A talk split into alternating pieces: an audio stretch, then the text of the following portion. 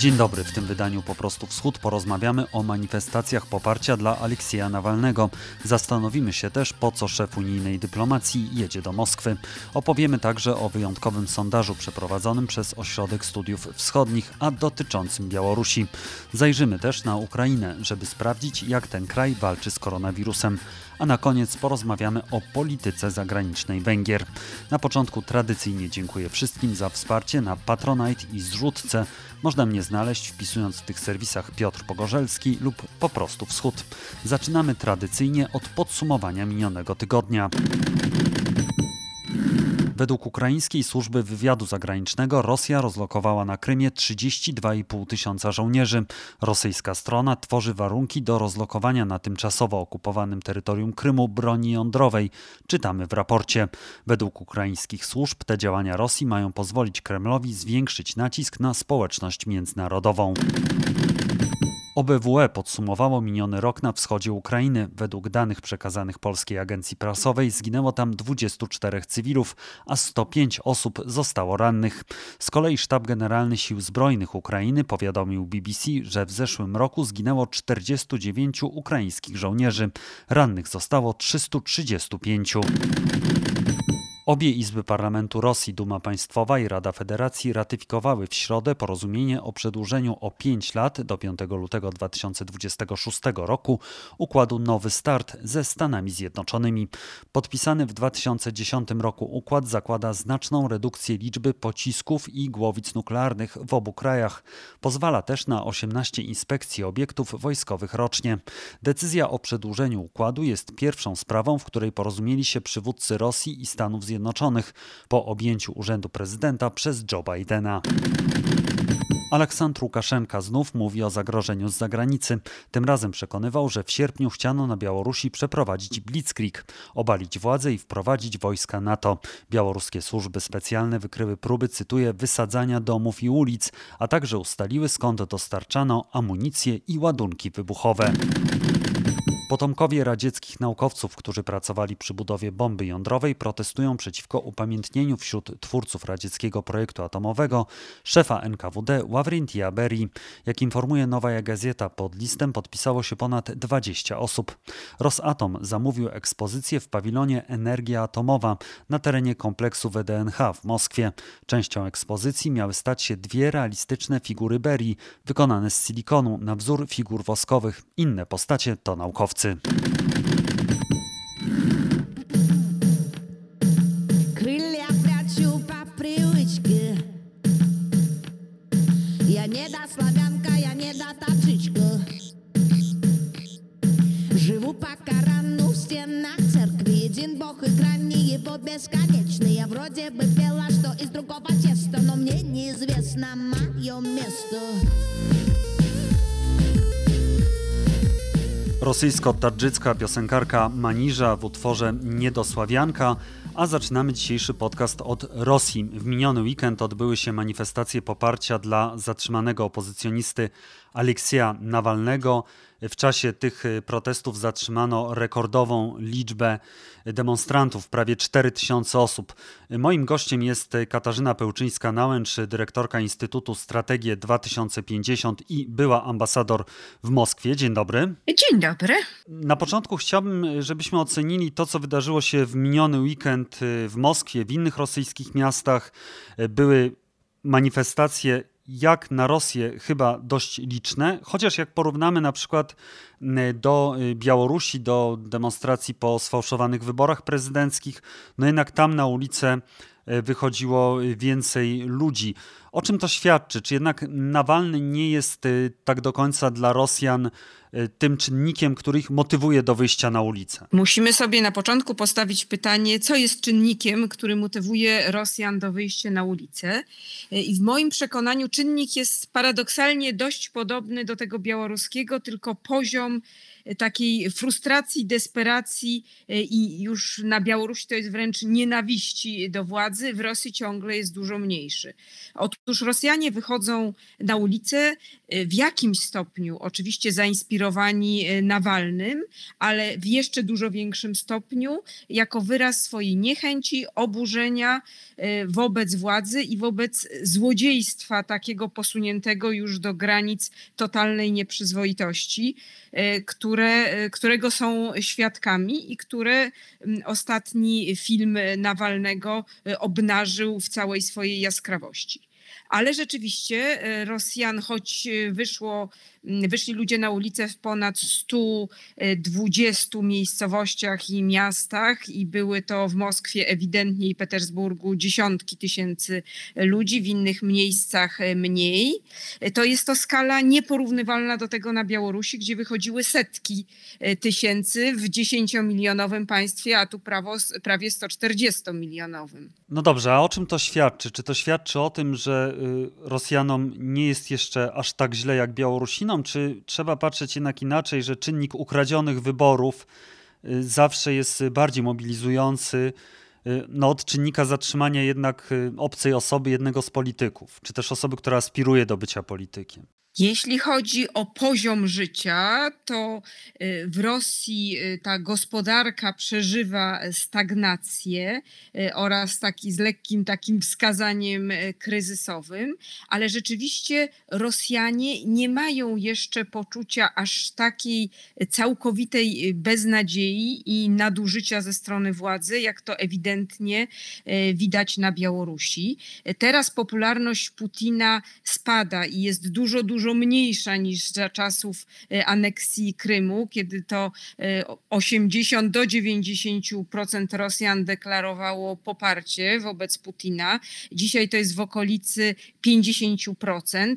E, no nie wiemy do końca, na ile to są badania wiarygodne, to znaczy na ile ludzie się przyznają do swojej niechęci tak do końca prawdziwie. No niemniej jest to jednak jakiś znaczący poziom poparcia i zaufania gdy tymczasem na Białorusi znowu tam w ogóle nie ma rzetelnych badań, więc to są jakieś takie mm, dostępne dane, nie wiadomo na ile można im wierzyć, ale mówi się o poparciu dla Łukaszenki na poziomie kilku, kilkunastu procent, więc to jest kompletnie inna skala. Poziom frustracji społeczeństwa białoruskiego jest zdecydowanie dużo, dużo większy i takiej determinacji do tego, że ta władza w osobie Łukaszenki absolutnie musi odejść. W Rosji jeszcze takiej masowej determinacji w całym społeczeństwie nie ma. Natomiast widać, że te nastroje niechęci rosną i to ostatnio, co się wydarzyło, cała ta historia Nawalnego, poczynając od próby zatrucia, poprzez obnażenie, że za tą próbą no, ewidentnie stało państwo rosyjskie, że to nie było po raz pierwszy, tylko za nim chodzono od lat i próbowano tego zatrucia e, dokonać. E, I wreszcie ta jego, ten jego brawurowy powrót, rzucenie wyzwania prosto w twarz Putinowi i opublikowanie filmu, e, to na pewno jest taka iskra, która odpaliła protesty, ale wybory rzeczywiście są takim momentem, który zawsze ludzi bardziej pobudza do protestu, jeżeli te wybory są ewidentnie ukradzione, tak jak to się zdarzyło na Białorusi. I takie wybory mogą się zdarzyć kolejne zresztą, bo wiemy, że w Rosji wybory są fałszowane regularnie. Y, w tym roku będą wybory do Dumy we wrześniu i te działania opresyjne ze strony władz rosyjskich i poziom lęku, który dzisiaj widzimy y, w reżimie rosyjskim, jest związany właśnie z tymi wyborami. Y, cel jest taki, że wybory mają być wygrane i ma być zabezpieczona większość konstytucyjna i wiadomo, że trzeba będzie te wybory fałszować. I teraz reakcja społeczna, ewentualna po tych wyborach, to jest to, co spędza sen z oczu na pewno Putinowi i jego współpracownikom. Czyli ja rozumiem, że te groźby pod adresem y, portali społecznościowych, które zdaniem władz na Kremlu powinny jednak cenzurować informacje dotyczące manifestacji, organizowanych manifestacji, to jest też to przygotowanie do tych wrześniowych wyborów do Dumy. To przygotowanie trwa już od dobrych kilku miesięcy mamy do czynienia z szeregiem działań prawnych i pozaprawnych, których celem jest całkowita zneutralizowanie już nawet nie opozycji, tylko wszelkiego pluralizmu, możliwości ludzi do protestowania, występowania publicznie, zgromadzenia się publicznie i oczywiście dostępu ludzi do niezależnej informacji. To, że media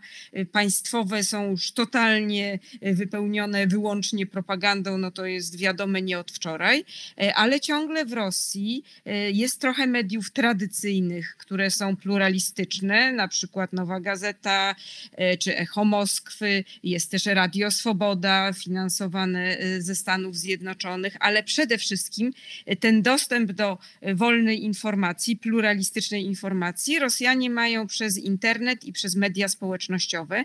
I tutaj e, reżim rosyjski próbuje e, ograniczyć, muszę powiedzieć, że na razie dosyć nieskutecznie ten przepływ e, wolnej informacji w internecie w Rosji. Porozmawiajmy troszkę o reakcji, potencjalnej reakcji Zachodu na otrucie Aleksja Nawalnego, na to, co się dzieje w Rosji. Myśmy jeszcze nie widzieli jakichś jasnych deklaracji dotyczących sankcji. Mówi się o tym, że mają się mają one zostać wprowadzone po wizycie szefa unijnej dyplomacji Josepa Borrella w Moskwie. Czy pani zdaniem w ogóle to jest dobry pomysł, żeby w takim momencie odwiedzać rosyjsą stolicę? W moim przekonaniu nie jest to zdecydowanie dobry pomysł, bo niezależnie od tego, e, co Joseph Borrell zamierzałby powiedzieć w Rosji, bo zaznaczam, że ta decyzja, że wizyta dojdzie do skutku, z tego co ja wiem, nie jest na 100% podjęta, aczkolwiek taka intencja dosyć e, wyraźnie została wyrażona e, i miałoby do niej dojść rzeczywiście jakoś w pierwszym tygodniu, tygodniach lutego. E, I to jest moment, kiedy Nawalny został aresztowany wbrew wszelkiej logice i prawnej, ewidentnie ze względu względów politycznych, już o całej historii próby jego otrucia i zanegowania tego faktu i że nie ma żadnego śledztwa w tej sprawie, no to w ogóle pomijając. E, mamy do czynienia z represyjnym reagowaniem na protesty, ewidentną falą represji wobec jego współpracowników, przeszukania w biurach, e, aresztowania, gnębienia e, jego prawników. I w tym właśnie momencie przyjeżdża do Moskwy przed, no, najwyższy przedstawiciel Unii unijnej dyplomacji. Nieważne, co on powie. To jest sygnał y, podania y, jakiś, jakiegoś tam podania ręki Putinowi i pokazania, nieważne co się dzieje i jak on postępuje ze swoimi obywatelami, my z nim y, rozmawiamy. E, I to jest w moim przekonaniu bardzo, bardzo niefortunny moment, który e, to nie chodzi już personalnie e, o pana Borela, ale o wystawianie w społeczeństwie rosyjskim i nie tylko pewnego niedobrego świadectwa Unii i wartościom, które jednak Unia powinna reprezentować. Do takiej wizyty w tym momencie, w moim przekonaniu, zdecydowanie nie powinno dojść. No ale niektórzy tłumaczą, że powinny zostać zachowane kanały komunikacji, że trzeba jednak rozmawiać. No też Borel tak mówi, on jest przekonany o tym, że ta wizyta może przynieść jakiś e, skutek. Czy pani zdaniem te argumenty no, nie mają racji bytu? E, rozmawiać absolutnie trzeba. E, kanały komunikacji, przecież nikt nie zrywa stosunków dyplomatycznych z Rosją, jak najbardziej powinny być zachowane, zwłaszcza kanały na poziomie niższym dyplomatycznym, na poziomie eksperckim, jakieś fora dialogu różnego poziomu, jak najbardziej tak. Mogę sobie nawet wyobrazić jakieś pojęcie, pojedyncze wizyty ministrów spraw zagranicznych poszczególnych krajów członkowskich, bo wiadomo, że te kraje się jednak różnią w swojej polityce wobec Rosji. E, niemniej jednak Joseph Borrell reprezentuje całą Unię Europejską i to nie jest jakiś dialog, tylko to jest de facto minister spraw zagranicznych Unii Europejskiej. I decydowanie się na taką wizytę właśnie w takim momencie e, no jest bardzo niefortunne, e, zwłaszcza, że to nie jest tak, że tu coś konkretnego zostanie osiągnięte zamknięte. To nie jest e, wizyta, która ma doprowadzić do ustalenia czegoś, do pozyskania jakichś konkretnych ustępstw, e, do mm, tego, że w wyniku tej wizyty na przykład Nawalny zostanie zwolniony z aresztu. Nic takiego nie ma się zdarzyć, więc jest jakaś wizyta dla wizyty, dialog dla dialogu, a wydźwięk symboliczny tej wizyty jest bardzo mocny, będzie ewidentnie wsparciem wizerunkowym dla Putina, będzie uderzał w wizerunek Unii Europejskiej, a uzysk, ja prawdę powiedziawszy, nie słyszałam nic konkretnego, co miałoby być uzyskiem tej wizyty. Z tym, że Władimir Putin na przykład też brał udział w powiedzmy wirtualnym, ale jednak odbywającym się w przestrzeni e, wirtualnej forum ekonomicznym w Davos. Tam też występował, też mówił o wspólnocie y, Rosji i Europy. I ten rok jest pierwszym, w którym on występuje po aneksji Krymu. Więc to chyba świadczy o tym, że na arenie międzynarodowej no coś, coś się chyba zmienia, tak? Jakaś pojawia się większa akceptacja do, do działań Moskwy. Czy to za wcześnie na takie wnioski?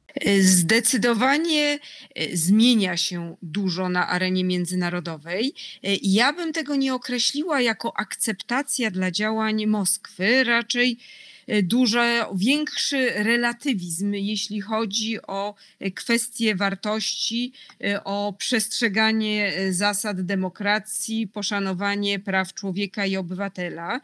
I to wynika z kryzysu demokracji w samej Unii Europejskiej.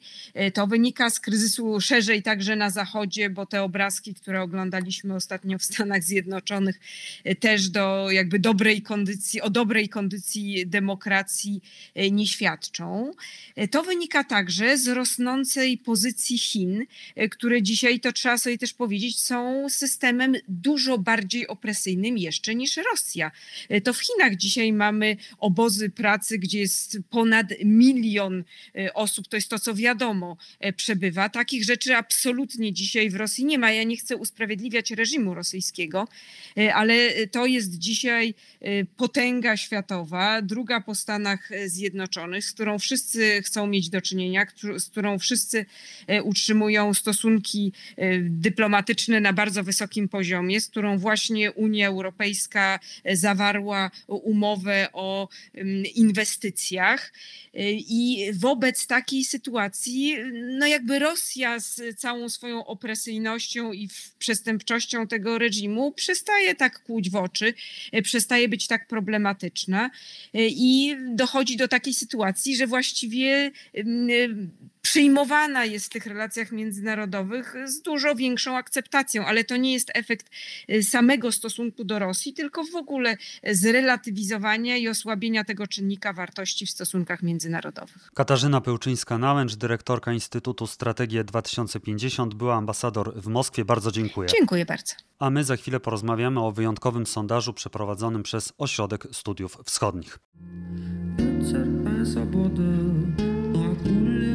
після Немовлятка прагне перше слово, бо цим знову приходиться нам І тоді маємо летку іншого На русская песня Не ходи, ходи же ти за мною, не ходи Не ходи же ти за мною Тишині, тримаємо таблетку, ось воно На русская песня, не ходи Ходи же ти за мною, не ходи Не ходи же ти за мною Białoruscy wykonawcy Intelligence i Palina poprzedzają naszą kolejną rozmowę, tym razem z wicedyrektorem Ośrodka Studiów Wschodnich Wojciechem Konończukiem. Dzień dobry. Dzień dobry. Będziemy rozmawiać o sondażu, który został przeprowadzony na państwa zlecenie na Białorusi. On dotyczy polityki zagranicznej tego państwa, samego Aleksandra Łukaszenki i sympatii Białorusinów do innych narodów. Ale zanim przejdziemy do wyników, ja bym chciał zapytać, jak było w ogóle możliwe przeprowadzenie tego rodzaju badania, bo od paru dobrych lat, od pięciu lat właściwie, na Białorusi tego rodzaju y, sondaże oficjalnie nie mogą być przeprowadzane.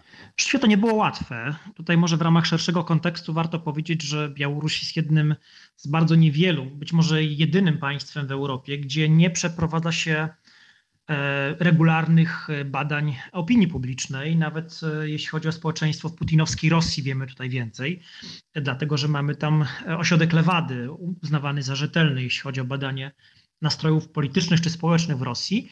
Reżim białoruski od kilku lat jest bardzo wyczulony na punkcie szczególności badań politycznych, które pokazywałyby poziom poparcia dla liderów politycznych, w tym oczywiście dla niego samego, więc tego typu badania rzeczywiście są niezwykle rzadkie i one są też źle widziane przez, e, przez reżim. To nie zmienia faktu, że są pewne możliwości, żeby tego typu badania na tyle rzetelne, na ile to jest w warunkach białoruskich możliwe, zostały przeprowadzone. Nasze badanie e, trwało między końcem listopada a połową grudnia.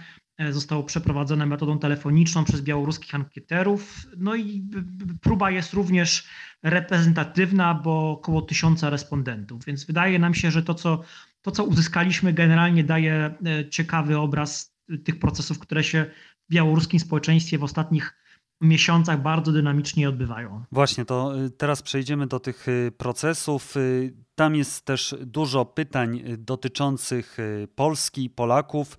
Co mnie zaskoczyło, to bardzo pozytywna ocena e, ze strony Białorusinów, zarówno państwa polskiego, jak i Polaków, mimo tej propagandy, która jest cały czas właściwie leje się z białoruskich mediów, mówiącej o tym między innymi, że e, Polska się stara zabrać część terytorium zachodniej Białorusi. To jest chyba dość zaskakujące. Tak, to jest, to jest bardzo ciekawy wynik, który zyskaliśmy. E, my badaliśmy stosunek Białorusinów do E, kilku państw, kilku narodów Rosji, Niemiec, Polski, Ukrainy, Litwy, Chin i Stanów Zjednoczonych. No i wyszło nam, że generalnie Białorusini raczej lubią niż nie lubią e, innych, inne narodowości, inne państwa. Na czele sympatii jest Rosja, co też nie jest, nie jest niespodzianką. Trzeba pamiętać, że Białorusini tradycyjnie uważają się że za naród bardzo bliski Rosji językowo, kulturowo, E, także historycznie, więc te sympatie prorosyjskie są e, zrozumiałe, chociaż jest też ciekawe, że więcej Białorusinów deklaruje sympatię do Rosjan niż do Rosji jako państwa. W przypadku Polski stosunek pozytywny do, do, do naszego kraju deklaruje e, ponad prawie 70%, czy ponad 70% respondentów i trochę wyższy, ponad 80% w przypadku e, stosunku sympatii do, do, e, do Polaków. Ale z drugiej strony pewne paradoksy wyszły też w tym badaniu, dlatego że zapytaliśmy również, jakie, jakie państwa Białorusini uznają za największe zagrożenie dla integralności terytorialnej Białorusi. No i tutaj bardzo ciekawie wyszło, że mimo tej sympatii deklarowanej również do Rosji, to Rosja przez 42% respondentów wskazywana jest jako, jako główne zagrożenie dla integralności terytorialnej białoruskiej. Więc y, ciekawy paradoks. Y, w przypadku Polski y, nieco powyżej 20% Białorusinów uważa, uważa że to Polska jest zagrożeniem dla integralności, integralności terytorialnej tego państwa. I to jest o, o, tyle ciekawe, że rzeczywiście Polska jest jednym z głównych celów propagandy białoruskiej w ostatnich miesiącach, e, gdzie e, sam Łukaszenko wielokrotnie wskazywał, że Polska rzekomo dąży do rewizji granicy, powrotu do granicy ryskiej z 21 roku i de facto aneksji dużej części terytorium białoruskiego, więc ten sondaż pokazuje, że Białorusini tego typu narracji że ona jest nieskuteczna, to znaczy ona działa na około 20% y, y, społeczeństwa białoruskiego, co jest relatywnie, uważam, nie, nie, niewielką liczbą. Natomiast no, najciekawsze jest to, że ponad 40%, jak wspomniałem, y, Białorusinów uznaje, że to Rosja jest zagrożeniem. I to też jest o tyle ciekawe, że to moim zdaniem pokazuje na pewien zachodzący stopniowo proces powolnej rewizji stosunku Białorusinów do Rosji, bo z jednej strony prawda, sympatię, wielka część Białorusinów sympatia do Rosji, no a z drugiej strony jednak postępujące zrozumienie tego, że to właśnie Rosja jest potencjalnym, czy może być potencjalnym zagrożeniem dla białoruskiej integralności. Jeżeli chodzi o ten y, stosunek do Polski i odbiór białoruskiej propagandy przez samych Białorusinów, czy my możemy z tego wyciągnąć wniosek, że ona jest nieefektywna, że ona nie dociera do wszystkich grup społecznych, czy też, że Białorusini po prostu zdają sobie sprawę, że to są e, tylko zagrywki polityczne Łukaszenki. Tak, myślę, że tego typu wniosek można wyciągnąć. E, on także świadczy, czy, czy te wyniki e, świadczą także o tym, jak bardzo zmienia się przestrzeń medialna białoruski, czy jak bardzo się zmieniła. To znaczy, to, to nie, nie media prorządowe, telewizja, czy tym bardziej prasa dzierżą rząd dusz, tylko coraz bardziej chętniej czytane są e, różnego rodzaju portale internetowe czy też kanały w Telegramie. Protesty białoruskie, które obserwowaliśmy od, od sierpnia przez potem wiele tygodni i miesięcy pokazały, że jak gdyby jednym z czynników, dla których one się odbywały, było to, że Białorusini mieli dostęp do niezależnych informacji właśnie przez różnego rodzaju sieci społecznościowe. Więc ten monopol, który był wcześniej jeszcze w dużym stopniu monopol, monopol informacyjny mediów e, rządowych, państwowych, on został w ostatnich latach skutecznie przełamany. To może powiedzmy jeszcze o jednym, dlatego że tam są bardzo ciekawe e, wyniki dotyczące tego, do jakiego dziedzictwa powinno odwoływać się państwo białoruskie. Jeżeli ktoś był na Białorusi, obserwuje ten kraj, to może odnieść wrażenie, że tutaj jest najważniejsze to dziedzictwo radzieckie, zresztą to chyba widać także po polityce prowadzonej przez Aleksandra Łukaszenkę. No w tym to badanie chyba obala jednak tę tezę. Tak, to, to, to badanie rzeczywiście pokazuje, że na pytanie, do jakiego dziedzictwa historycznego powinna odwołać się Białoruś, y, większość respondentów, dokładnie 40%, y, odpowiada Wielkie Księstwo Litewskie, które przecież wbrew nazwie było także państwem białoruskim. Związek Radziecki jest na drugim miejscu z poparciem 28% respondentów. I to jest pewna niespodzianka, czy też może nawet duża niespodzianka, biorąc pod uwagę, że w narracji, którą od wielu lat słychać na Białorusi, takiej neosowieckiej narracji, to właśnie Związek Radziecki jest wskazywany jako to główny, ten główny punkt odwołania, odniesienia dla, dla e, państwowości białoruskiej, ale jednocześnie trzeba przyznać, że w okresie rządów Łukaszenki, dokładnie w ciągu ostatnich kilkunastu lat, zaczął się pewien ciekawy proces, y, zainicjowany przez reżim właśnie, to znaczy wpisywania y, innych tradycji państwowych do historii białoruskiej, w tym właśnie Wielkiego Księstwa Litewskiego, które już w podręcznikach e, szkolnych na Białorusi jest pokazywane także jako państwo białoruskie.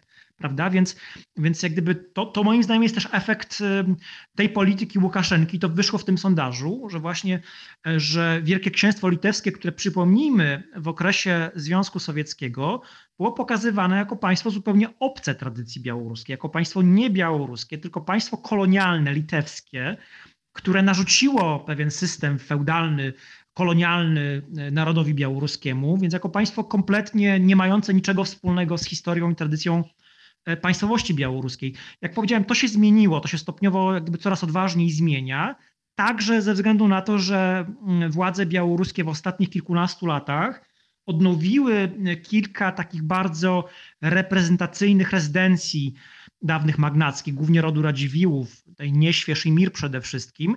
Więc to też myślę, że ta, ta wygrana e, e, Wielkiego Księstwa Litewskiego w tym sondażu pokazuje, że Białorusini uważają tą część swojej tradycji za atrakcyjną, prawda? To znaczy nie tylko Związek Radziecki, który pozostaje rzecz jasna ważny, ważnym punktem odniesienia dla Białorusinów dzisiaj, ale właśnie coraz mocniej, coraz odważniej i te inne tradycje, w tym właśnie Wielkie Księstwo Litewskie, ale też to ciekawe Rzeczpospolita obojga narodów, która z poparciem prawie 7% też została wskazana, więc jak gdyby widać, jak dynamiczne zmiany, w ogóle ca całość tego sondażu to pokazuje, jak ciekawy, w ciekawym momencie jesteśmy, jak dynamiczne zmiany w, w, w społeczeństwie białoruskim zachodzą. Z tych badań także wynika, że Białorusini coraz chętniej y, chcą migrować e, za pracą nie do Rosji, e, a do Polski. To jest chyba też jakaś zmiana, z którą mamy do czynienia w ostatnich latach. Tak.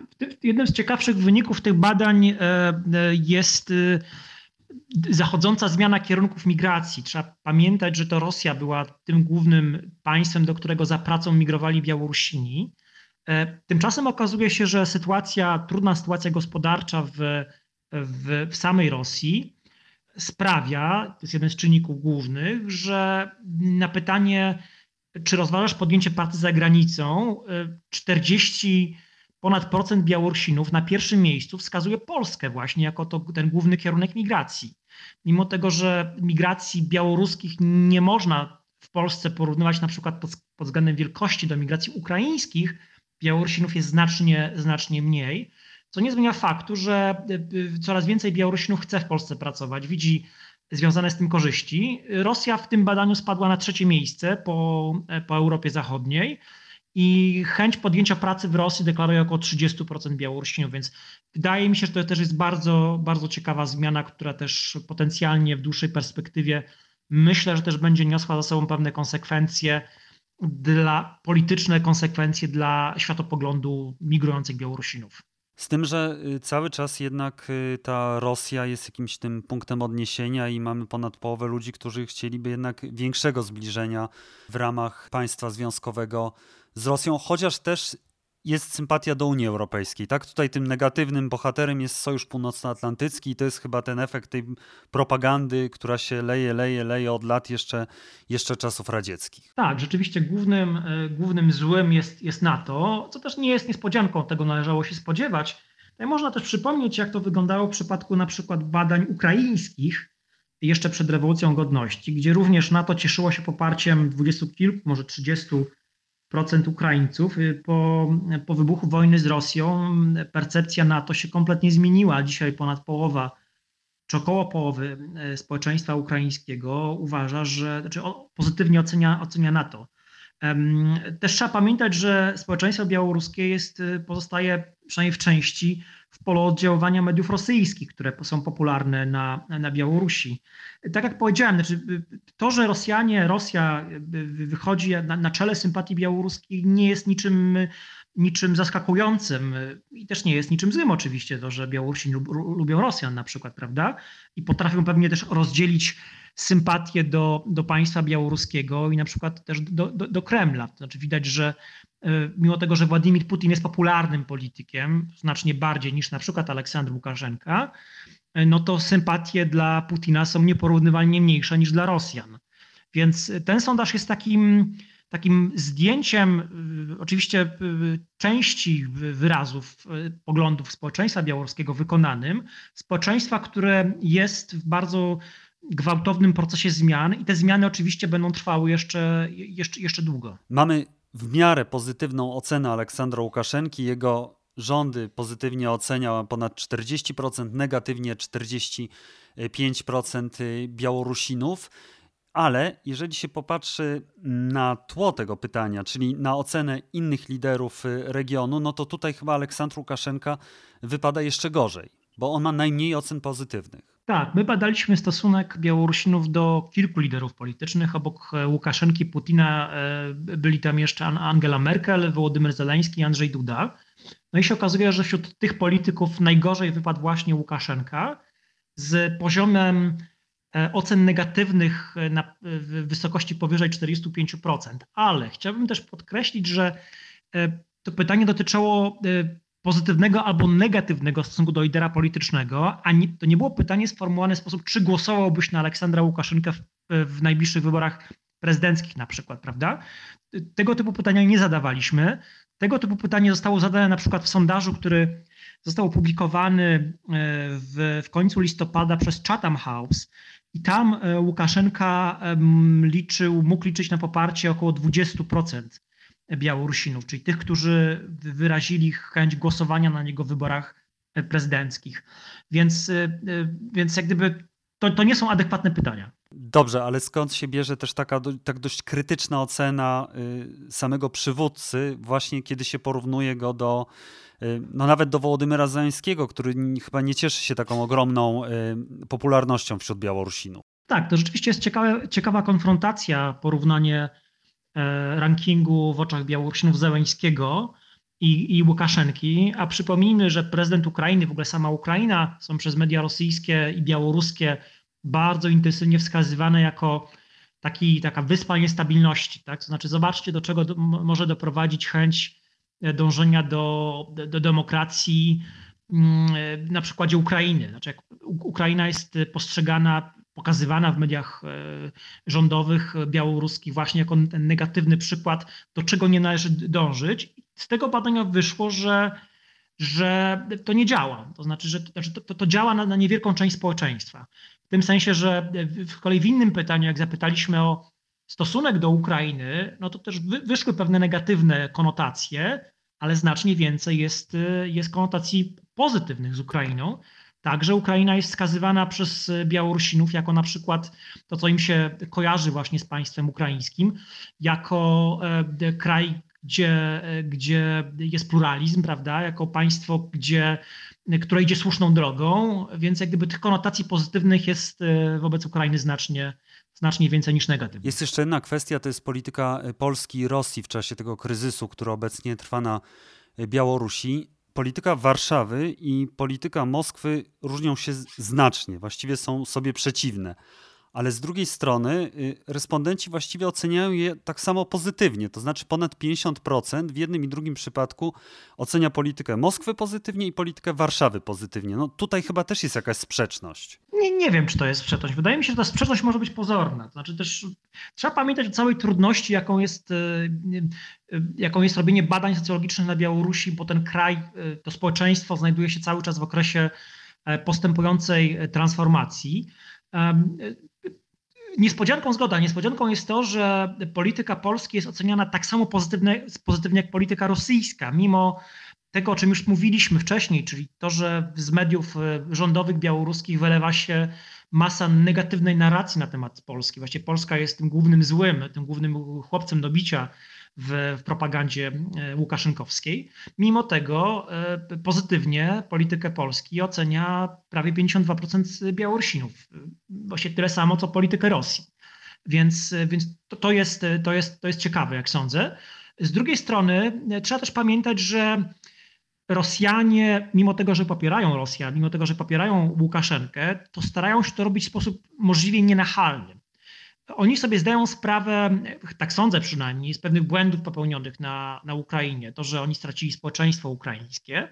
Więc y, to społeczeństwo białoruskie, które jest dzisiaj w dużym stopniu społeczeństwem prorosyjskim, gdzie te sympatie do, do, do, do Rosjan, do Rosji są e, autentyczne, więc Rosjanie, mimo tego, że w celach politycznych popierają reżim Łukaszenki, to jak mówiłem, stają się robić na tyle nienachalnie, na ile to jest możliwe, po to, żeby żeby nie stracić właśnie w, w, w, w oczach Białorusinów tej części białoruskiego społeczeństwa, która jest antyreżimowa, co im się w dużym stopniu udaje. To znaczy, myślę, że poziom sympatii czy, czy, poziom e, deklarowanego stosunku negatywnego do Rosji, do polityki rosyjskiej może w ten sposób, pewnie jest najwyższy w historii, e, chociaż to jest trudno, znaczy, tego typu badania nie są przeprowadzane bardzo regularnie, więc trudno jest to porównywać Natomiast no, raz jeszcze, jest to pewne zdjęcie zrobione społeczeństwu białoruskiemu, które jest w procesie gwałtownych przemian.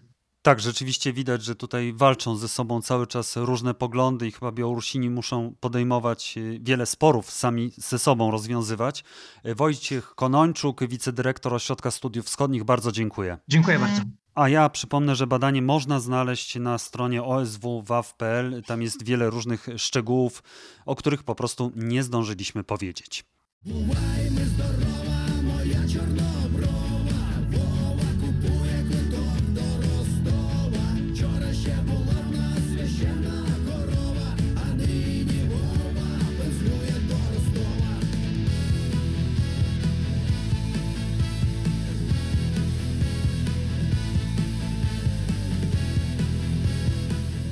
Grupa Żadan i Sobaki, a my porozmawiamy o koronawirusie na Ukrainie. Moim gościem jest Sławomir Matuszak z Ośrodka Studiów Wschodnich. Dzień dobry. Dzień dobry Państwu. Na Ukrainie w poniedziałek zakończyło się coś, co miejscowe media i władze określały mianem lockdownu. Zamknięte były restauracje, centra handlowe, ale na przykład działały kurorty narciarskie, w których były tłumy, wśród nich zresztą sam prezydent Wołodymyr Zaleński.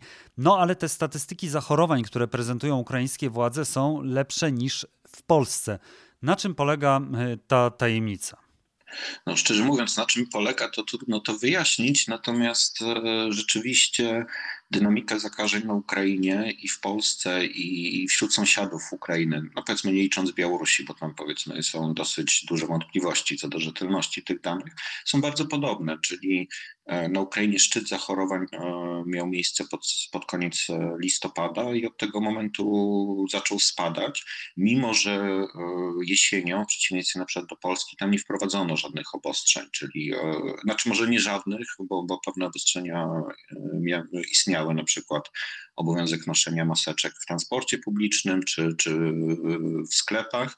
Natomiast e, jakby restauracje, wszystkie kluby i tak dalej działały z ograniczeniem tylko, że do 23. Czym to wyjaśnić, ja tak naprawdę nie jestem w stanie. To, to i nie wiem, czy, czy nawet epidemiolodzy by, by, byliby w stanie to jakoś racjonalnie wyjaśnić. Natomiast co do rzetelności danych przedstawianych przez Ukrainę, ja raczej nie mam wątpliwości. Jest oczywiście pytanie o ilość testów, które Ukraina robi bardzo mało, ale znowuż bywały okresy, że państwa sąsiadujące, między innymi Polska, ale też i Węgry, robiły tych testów w przeliczeniu na liczbę mieszkańców jeszcze mniej. Wykrywalność mają wysoką, ale stosunkowo również na tle sąsiadów ona aż tak bardzo nie odbiega. Także to jest jedna z, można powiedzieć, zagadek koronawirusa. Ale z drugiej strony też y, chyba te obostrzenia, które były wprowadzane, były dość małe ze względu na problemy gospodarcze, bo to by się wiązało z jakimś wsparciem także dla przedsiębiorców, jeżeli by oni dużo tracili w e, czasie tej pandemii. Czyli ja rozumiem, że te naciski tam są o wiele bardziej efektywne i mocniejsze niż w Polsce ze strony biznesu. Czy tak? Po pierwsze, e, Ukraina powiedzmy do jesieni e, de facto kopiowała rozwiązania polskie i tak naprawdę na przykład lockdown wiosenny był jeszcze ostrzejszy niż w naszym kraju. Na przykład tam przez, przez kilka tygodni nie działał transport publiczny i był zakaz poruszania się przemieszczania między miastami. Natomiast e, no, Ukraina jest krajem bez porównania biedniejszym niż Polska i tak naprawdę już wtedy dochodziło do e, dosyć częstych protestów przedsiębiorców i Ukrainy, Ukrainy jakby nie stać na, na taką pomoc przedsiębiorcom, jaką, udziela, jaka jest udzielana w Polsce, czy już nie mówiąc o Zachodzie. I z tego powodu władze zdecydowały się nie wprowadzać radykalnych ograniczeń jesienią, a ten lockdown, e, który skończył się w poniedziałek, tak naprawdę trwał tylko nieco ponad dwa tygodnie. Czyli jakby e, Ukraina z przyczyn gospodarczych zdecydowała się nie zamykać e, lokali i sklepów w okresie świąteczno-noworocznym, tym bardziej, że tam święta są 7 stycznia zgodnie z obrządkiem prawosławnym. Czyli te naciski biznesu, rzeczy, znaczy nawet nie tyle biznesu, co drobnych przedsiębiorców były dużo bardziej odczuwalne dla władz i, i były brane pod uwagę. Natomiast, tak jak wspominałem poprzednio, to się zbiegło z, z no, dosyć korzystną, powiedzmy, sytuacją epidemiologiczną na tle sąsiadów i państw zachodnich. Ja też nie słyszałem jakichś takich y, bardzo krytycznych wypowiedzi dotyczących y, tego, jak służba zdrowia sobie dała radę na Ukrainie, chociaż pojawiały się takie informacje, że na przykład y, brakowało tlenu dla chorych na koronawirusa. Czy to jest prawda. To znaczy, jak my możemy ocenić tę służbę zdrowia właśnie w kontekście walki z pandemią? Znaczy, zaskakująco, mm, zaskakująco dobrze służba zdrowia ukraińska sobie poradziła, biorąc pod uwagę stan niedofinansowania e, w porównaniu do, do większości, znaczy właściwie wszystkich krajów Unii Europejskiej. Z, z tym tlenem to prawda, w części szpitali był z tym problem e, związany z tym, że państwo wydzieliło środki e, na, na, na, zakup, na zakup e, aparatów tlenowych latem, natomiast e, część szpitali to zignorowała. Natomiast w tej chwili jakby nie ma, już nawet jesienią nie było z tym większych problemów. W tej chwili Ukraińcy deklarują, że, że ponad 50 tysięcy łóżek, e, które są gotowe, przeznaczone dla e, chorych na COVID, jest wyposażonych w tlen. I o ile tak zdarzały się przypadki przepełnienia szpitali, szczególnie w tym okresie jesiennym, czyli tym, tym szczycie pandemii, jakiś przełom listopada i grudnia, natomiast tam nie było twardego podziału na, na, na, na dwie służby zdrowia, czyli jakby COVID i nie COVID, i przez co nie było takiego chaosu, że jakby karetki nie wiedziały, do którego szpitala się po prostu były wydzielone oddzielne sale czy oddziały na, dla pacjentów z COVID i to pozwoliło zaskakująco pozytywnie, znaczy łatwo tej służbie zdrowia dać sobie radę z, z epidemią. A jak w takim razie będzie ze szczepieniami? Dlatego, że o ile się orientuje, Ukraina nie ma jeszcze kalendarza szczepień, właściwie też nie wiadomo, jaka szczepionka będzie tak do końca dostarczona na Ukrainę. Mówiło się o chińskiej szczepionce, teraz mówi się o amerykańskiej. Jak tutaj wygląda sytuacja? Czy tutaj wygląda bardzo źle i to jest problem. Um, być może częściowo to jest problem związany z tym, że ukraińskie władze przespały kwestię szczepionek, aczkolwiek oni deklarują, że od wielu miesięcy prowadzą negocjacje. Natomiast mi się wydaje, że to jakby tu główny problem jest e, nawet nie działania ukraińskich władz, a fakt, że Ukraina jest po prostu biednym, stosunkowo małym państwem. Załóżmy, że e, praktycznie kraje, które mają dostęp do szczepionki, to są albo kraje Unii Europejskiej, Stany Zjednoczone plus kraje, które same są w stanie produkować tą szczepionkę, czyli Chiny. Nawet, nawet kraje, które są wielokrotnie bogatsze od Ukrainy, ale nie należą do, do jakiegoś dużego sojuszu, jak na przykład Korea Południowa, tam również nie rozpoczęły się e, szczepienia do tej pory. I w tej chwili jakby brak jest jasności, kiedy się w ogóle rozpoczną szczepienia na Ukrainie przynajmniej na masową skalę. Oni zapowiadają, że nawet do końca stycznia może dostaną, czy w ciągu kilku dni dostaną jakąś tam partię, ale to będzie chodzić o jakąś e, naprawdę mikroskopijne e, ilości, czyli e, mówi się o 100-200 tysiącach szczepionek, co na kraj, który liczy 38 milionów, to jest oczywiście kropla w morzu potrzeb. Z chińską szczepionką o, Ukraina zakontraktowała w sumie ponad 6 milionów dawek, natomiast e, ta szczepionka wciąż nie ma, nie jest zarejestrowana i też do końca nie wiadomo, kiedy będzie zarejestrowana. I tam jeszcze jest wymóg taki, że ona musi mieć efektywność minimum 70%.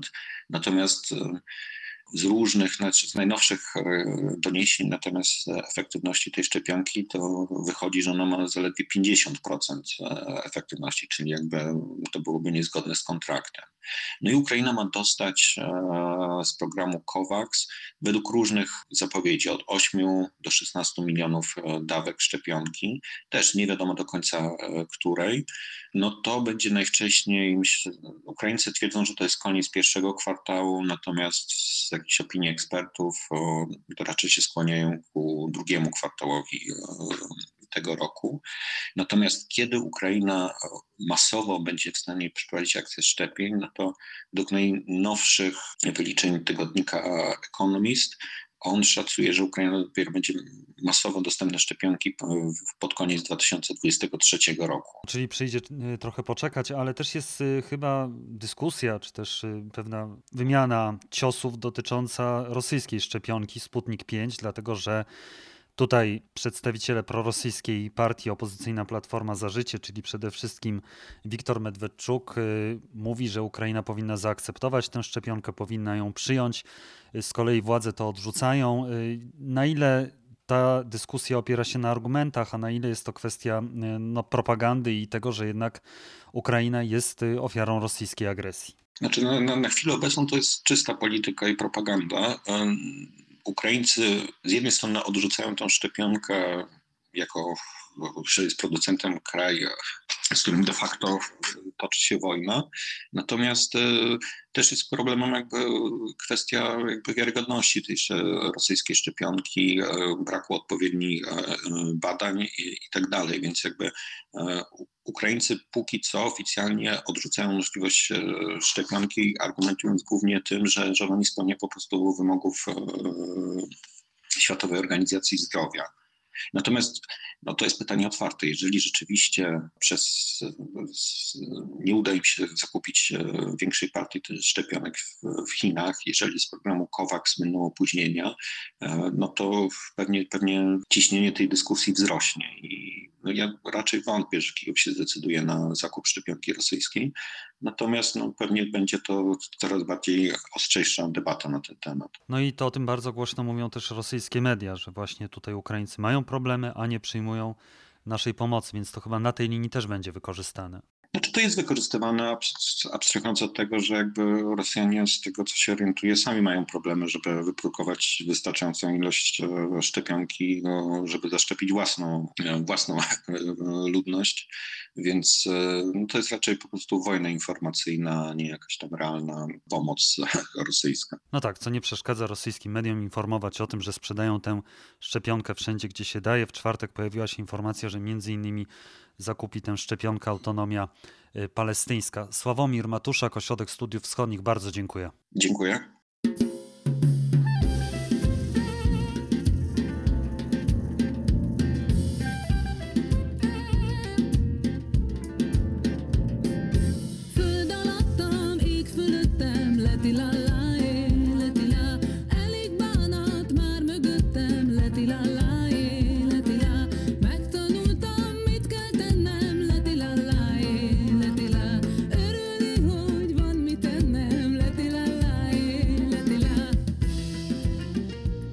Węgierska piosenkarka Bea Palia. W tym tygodniu minister spraw zagranicznych tego kraju Peter Siarto odwiedził Kijów i o tej wizycie porozmawiam z Weroniką Jóźwiak z Polskiego Instytutu Spraw Międzynarodowych. Dzień dobry. Dzień dobry. Mam wrażenie, że ostatnio mamy do czynienia z pewnym dyplomatycznym ożywieniem na linii e, Budapeszt-Kijów. Czy rzeczywiście tak jest i czy to ożywienie przynosi jakieś efekty? No to trudno powiedzieć na tym etapie, czy przyniesie efekty, bo to ożywienie wynika z zaostrzenia się tego sporu węgiersko-ukraińskiego, e, do którego doszło jesienią zeszłego roku. Wówczas w trakcie kampanii przed wyborami samorządowymi na Ukrainie e, węgierscy urzędnicy, wysocy urzędnicy, bo między innymi wiceminister w kancelarii premiera, złożył wizytę na, na Zakarpaciu i namawiał lokalną mniejszość węgierską do głosowania na przedstawicieli e, partii węgierskich. Zresztą e, również minister spraw zagranicznych Węgier, Peter Sijarto, e, w, takim, w taki otwarty sposób do tego namawiał w mediach społecznościowych i to zostało bardzo źle odebrane przez, przez stronę E, ukraińską. Zostało to uznane za naruszenie prawa ukraińskiego, za prowadzenie agitacji przez, przez cudzoziemców, e, w ingerowanie e, w wybory. A później w, w listopadzie być może to była kontynuacja tych, tych wydarzeń, pewnego rodzaju odpowiedź na to, co, co zrobili Węgrzy, a czytałam też, że możliwe, że to, to e, raczej e, był element lokalnej rywalizacji o władzę. W każdym razie SBU e, zaczęło prowadzić śledztwo w organizacjach mniejszości węgierskiej na Zakarpaciu w taki dość drastyczny sposób, bo przeszukała budynki należące do mniejszości, w tym też węgierskojęzyczną szkołę wyższą w Berechowie, co z kolei przez stronę węgierską zostało uznane za, za bardzo e, no, takie wrogie, e, agresywne działanie. Nawet Węgry wezwały wówczas ukraińskiego ambasadora do, do swojego MSZ-u. E, minister Sijarto zwrócił się do OBWE, by przekierować na Zakarpacie część specjalnej misji monitoringowej wysłanej na Ukrainę. Podjął ten temat na posiedzeniu ministrów spraw zagranicznych NATO. Ten spór naprawdę się zaostrzył, a już wyglądało na to e, latem e, zeszłego roku, że, że udało się przełamać impas, że jest organizowane pierwsze spotkanie premiera Wiktora Orbana z prezydentem Zełęskim, ale z tego nic nie wyszło, więc jest zaostrzenie tego sporu, który trwa już od 2000 2017 roku i w którym Węgrzy zajmują w zasadzie niezmienione stanowisko i takie bardzo sztywne stanowisko, które no, będzie trudne do, do, do zmienienia. Tutaj w czasie tej wizyty padła obietnica między innymi 50 milionów euro na budownictwo dróg na Zakarpaciu. Z kolei strona ukraińska e, mówiła, że będą obiecała rozmowy na temat właśnie kwestii e, oświaty mniejszości węgierskiej na Zakarpaciu, więc wydaje się, że tutaj znowu jest jakiś krok do przodu. Tylko pytanie, czy znowu nie będzie tych paru kroków do tyłu, tak jak pani powiedziała. To znaczy, y, Węgrzy cały czas oferują kredyty y, i inne środki na projekty rozwojowe na Zakarpaciu, na, na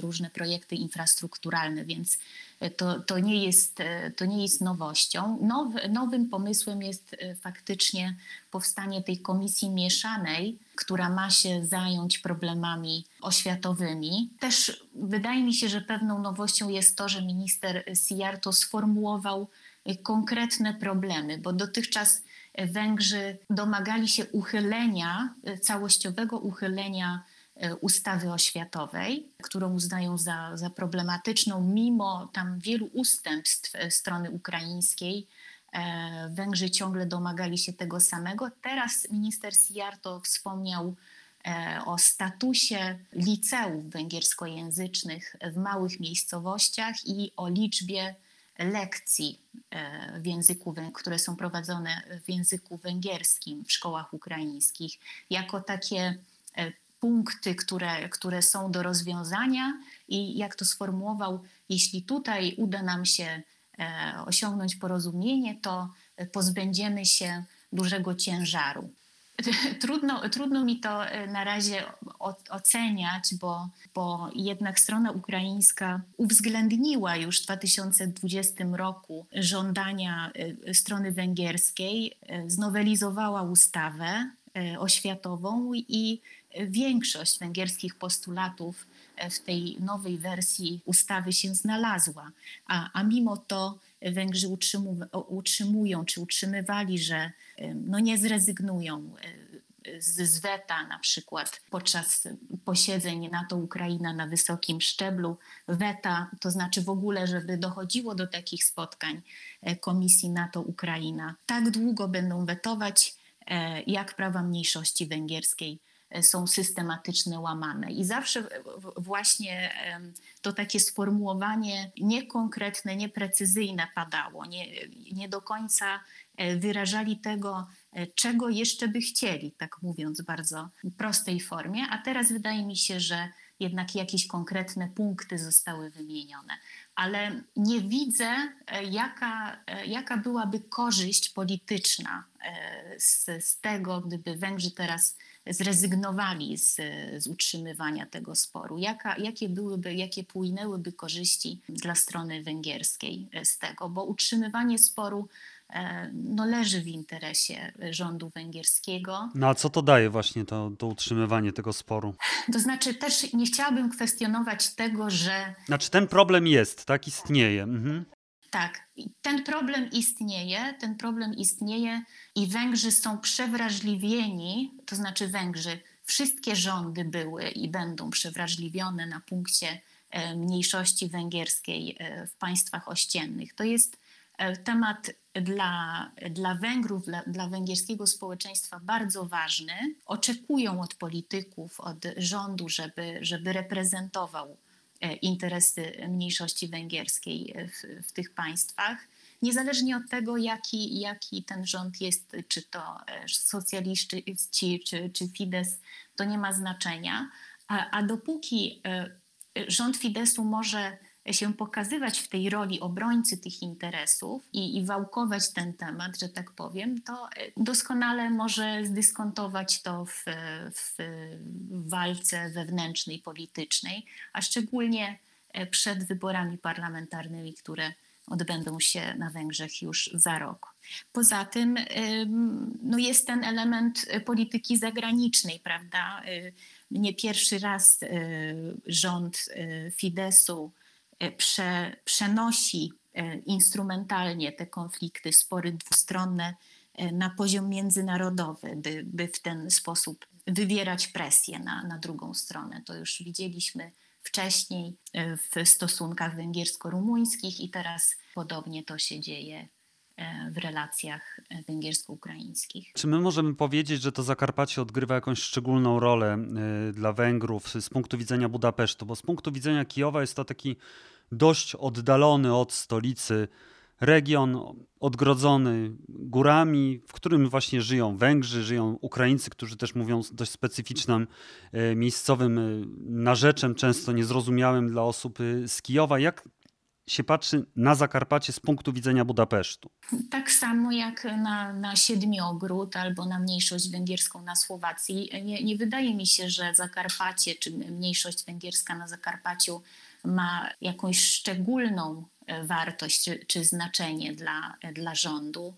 To nie jest duża mniejszość liczebnie, to, to jest około 130 tysięcy osób, więc dużo, dużo mniej niż, niż w Rumunii, więc nie, nie wydaje mi się, że, że to jest szczególnie ważne.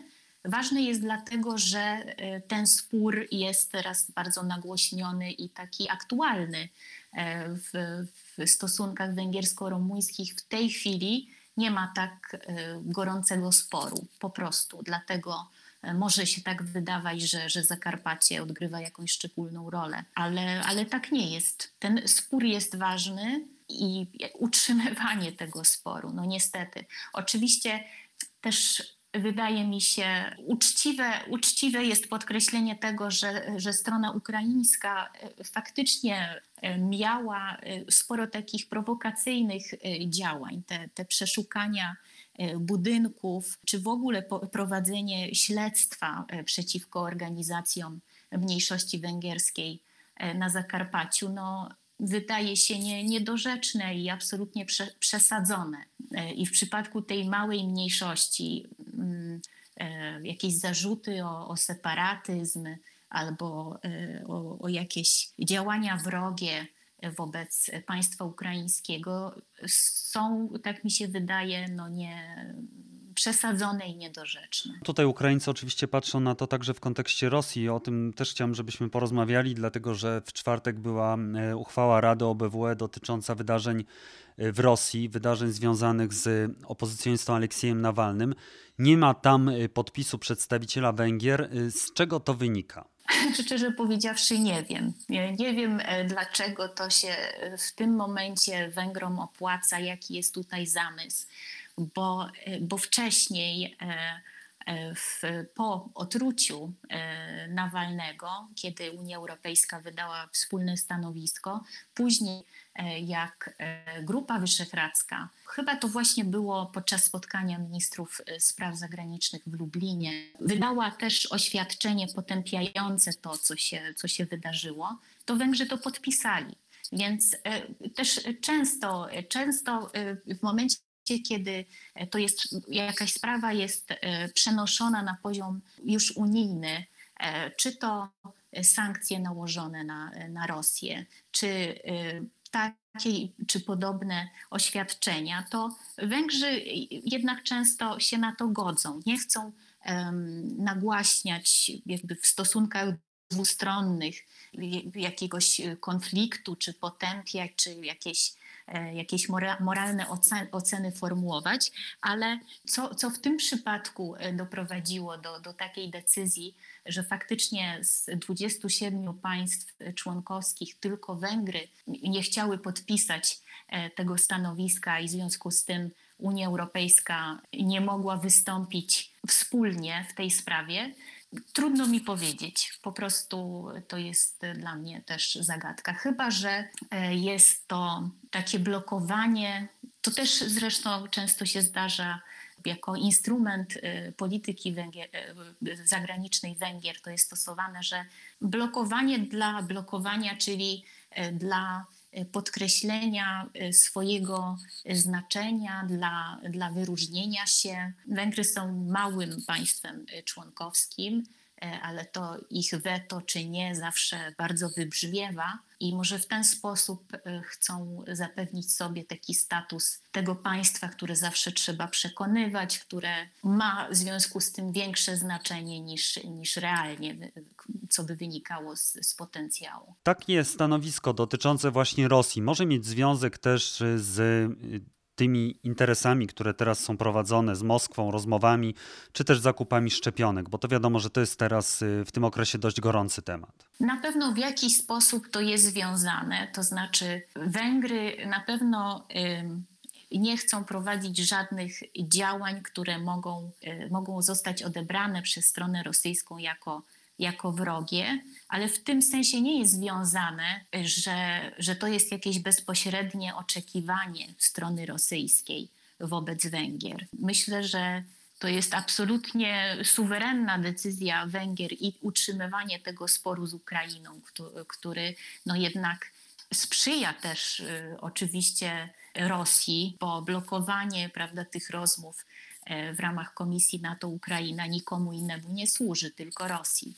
Ale e, jednak nie, nie myślę, nie wydaje mi się, że to jest, e, że to jest jakieś bezpośrednie oczekiwanie spełniane, oczekiwanie Rosji spełniane przez Węgry. Węgrzy robią to jakby sami z siebie, że tak powiem, bo może im się wydawać, że jakby sumarycznie i te, ten spór z Ukrainą i niepodpisanie takiej deklaracji w sprawie Nawalnego i różne inne drobniejsze sprawy będą pozytywnie e, odbierane przez stronę rosyjską i poprawiają jakby e, status negocjacyjny, czy nie status, tylko pozycję negocjacyjną e, Węgier. Faktycznie przy negocjacji długoterminowej umowy gazowej, warunków budowy nowych reaktorów w elektrowni jądrowej w Poksz i tak dalej, w różnych innych sprawach. Ale pojedyncze sprawy myślę, że nie mają bezpośredniego przełożenia na, na stosunki węgiersko-rosyjskie. Weronika Jóźwiak, Polski Instytut Spraw Międzynarodowych, bardzo dziękuję. Dziękuję. A ja tylko dodam, że Viktor Orban zapowiedział, że wybierze chińską szczepionkę, ponieważ uznaje, że Chińczycy najdłużej zajmują się tym wirusem, więc powinni ją przygotować najlepiej.